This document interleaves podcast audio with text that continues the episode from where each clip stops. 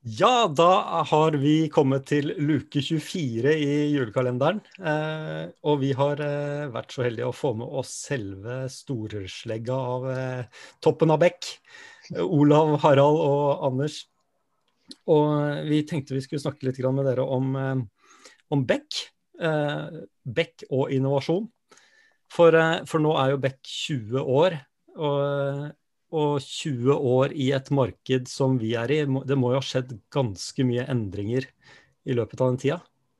Hva, hva er liksom de største, hva er de største endringene i markedet vårt? Jeg kan starte, Olav her. Jeg kan starte øh, med bare sånn litt sånn overordnet betraktning. Det er klart Jeg tror kanskje for 20 år siden, eller jeg ikke tror, jeg vet for 20 år siden, så var fremdeles liksom internettbiten ganske fersk. Eh, det var selvfølgelig tatt i bruk i stor grad, og alt sånt, men, den, men eh, det var fremdeles litt sånn på siden av, av, det som både næringslivet og offentlig forvaltning egentlig eh, brukte. Det var en litt sånn ekstrakanal, en moderne kanal, men, men, det var ikke det kritiske.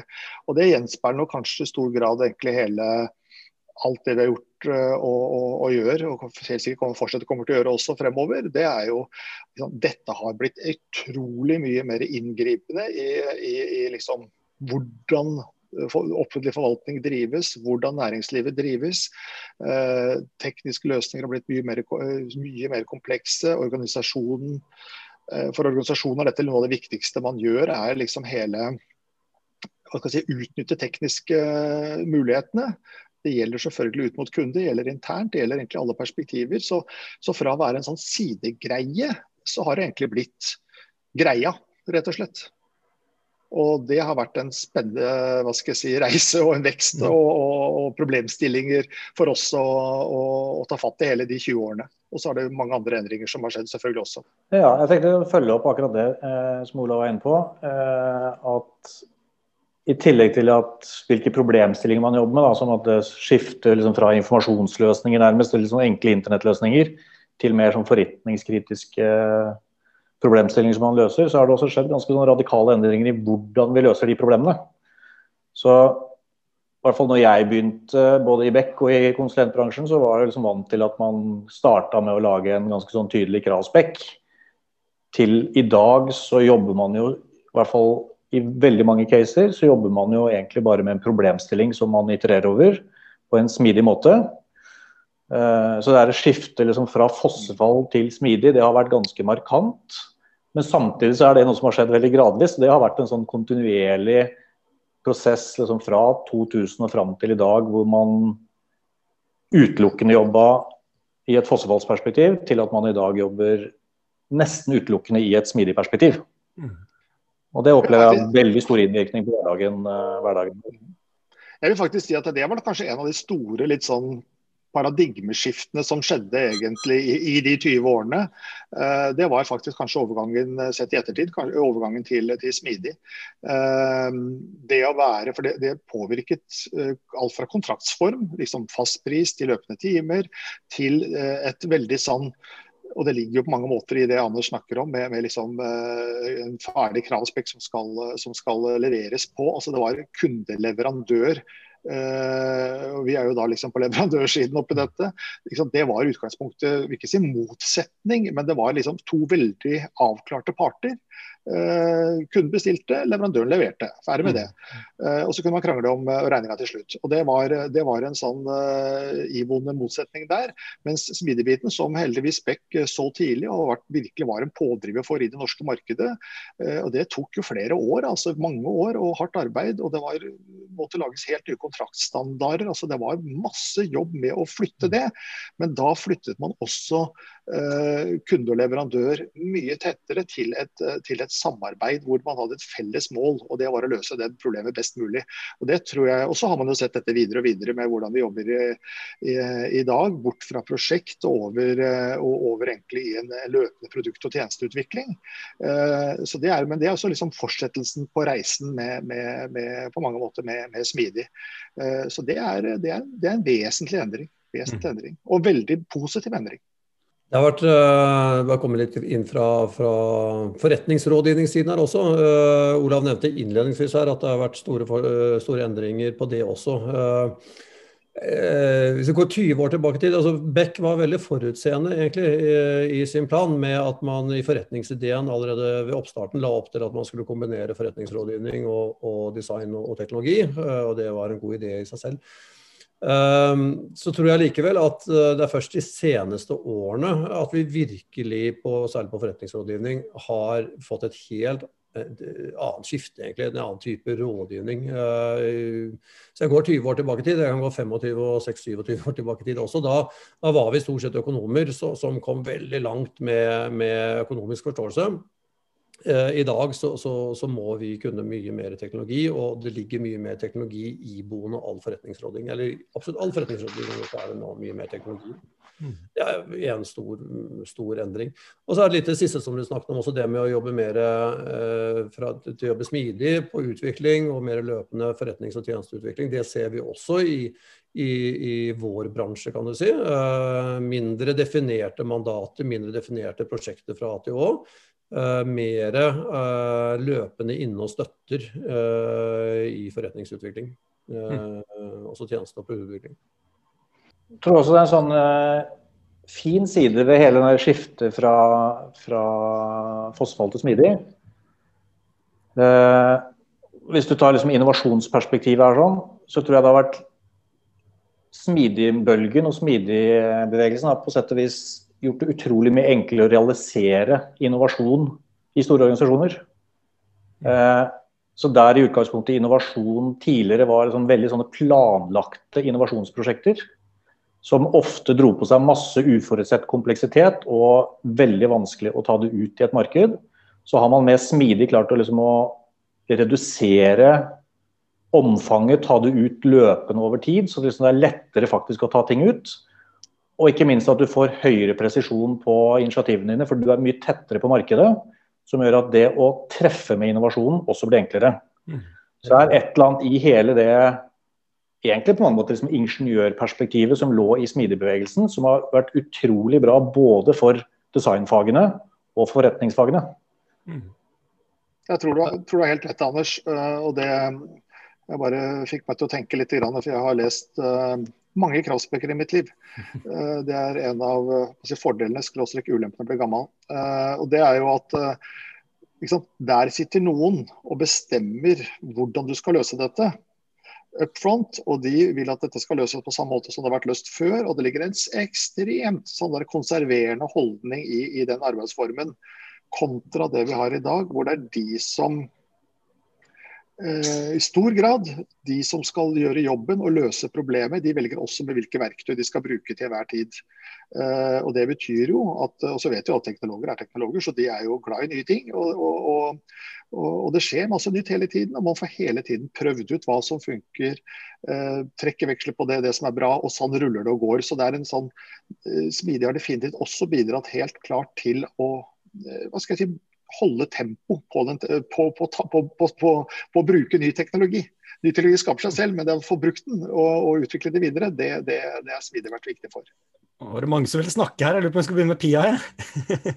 ja, jeg er litt sånn nysgjerrig på, for Én ting er jo hvordan vi jobber i prosjektene og hvilken metodikk vi forfekter, og at det har vært endringer der. Men jeg er litt nysgjerrig også på eh, om Beck på en måte i løpet av de her 20 årene har gjort noe litt sånn innovativt på innsida, for å si det sånn. Enten med forretningsmodell, måten vi jobber på som konsulentselskap. Ja, fordi akkurat det, ja, akkurat det Pia sier, er jo også fint å bare liksom oppsummere, er jo at det eh, Olav du snakker om, er jo at eh, teknologi har forandret seg fra å være sidegreia til å bli hovedgreia. Og det Anders om at eh, hvordan vi jobba, har forandra seg fra å være liksom, fossefall til smidig, liksom arbeidsprosessen her.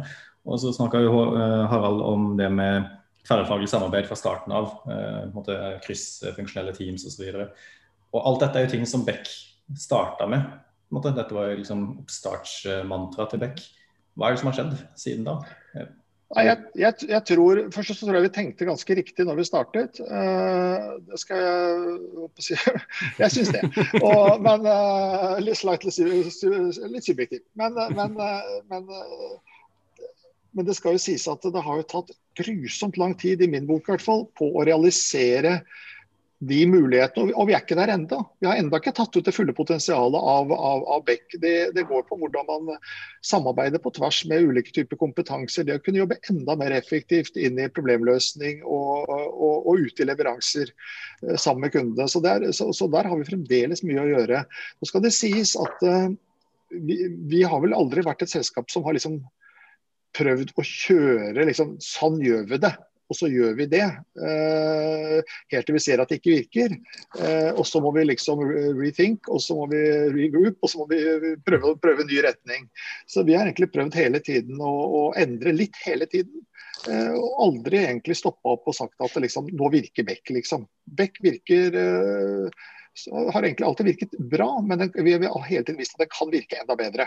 Og Sånn har vi sittet og skrudd og skrudd og skrudd. og skrudd, og Det kommer hvordan vi organiserer og driver fagarbeid, hvordan vi, eh, hvordan vi jobber inn mot prosjekt, inn mot salg, inn mot oppfølging av medarbeidere. altså Alt mulig der er hele tiden under, under forbedring. og Vi sitter og gnukker på det egentlig dag, hver eneste dag, på hvordan kan vi gjøre ting litt annerledes og litt bedre. Uh, og Det betyr at uh, jeg tror vi har vært et sånt modus hvor vi, uh, hvor vi har egentlig um, ja, evnet å, få, å få, gjøre de justeringene hele tiden. Så vil sikkert noen mene at ja, vi burde jo vært litt kjappere noen ganger. Og, vi burde vært, og kanskje har vi vært for kjappe noen ganger også, men, men det er litt sånn vi har jobbet. Ja, det, det, det supplerer litt på det, det, spørsmålet fra Pia og fra deg, Mute. der. Jeg tror jeg tror ikke vi har gjort de store grepene internt sånn strukturelt for å, for å, innovere og endre oss. Men jeg tror vi har gjort, det, der vi har gjort mest, det er mer på, på å være in front på fag. Uh, vi var pionerer på smidig. Vi har vært, uh, For egen del kan jeg skryte av at vi jeg tror vi var det første ordentlige konsulentselskapet som satte kundesentrisitet på, øverst på agendaen.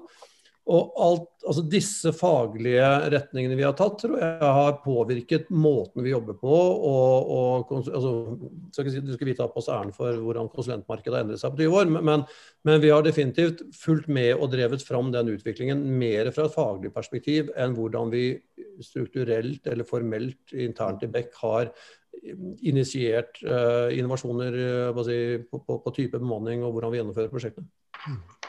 Det er et par ting jeg er veldig stolt av i den biten her, og det er faktisk at vi har erkjent, eh, og jeg har erkjent, og Anders og Harald og alle som sitter på en måte og, leder avdelinger eller leder arbeidet i, i Beck, eh, erkjent at det rett og slett det er ikke vi som skal bestemme eller finne ut hva folk skal drive med.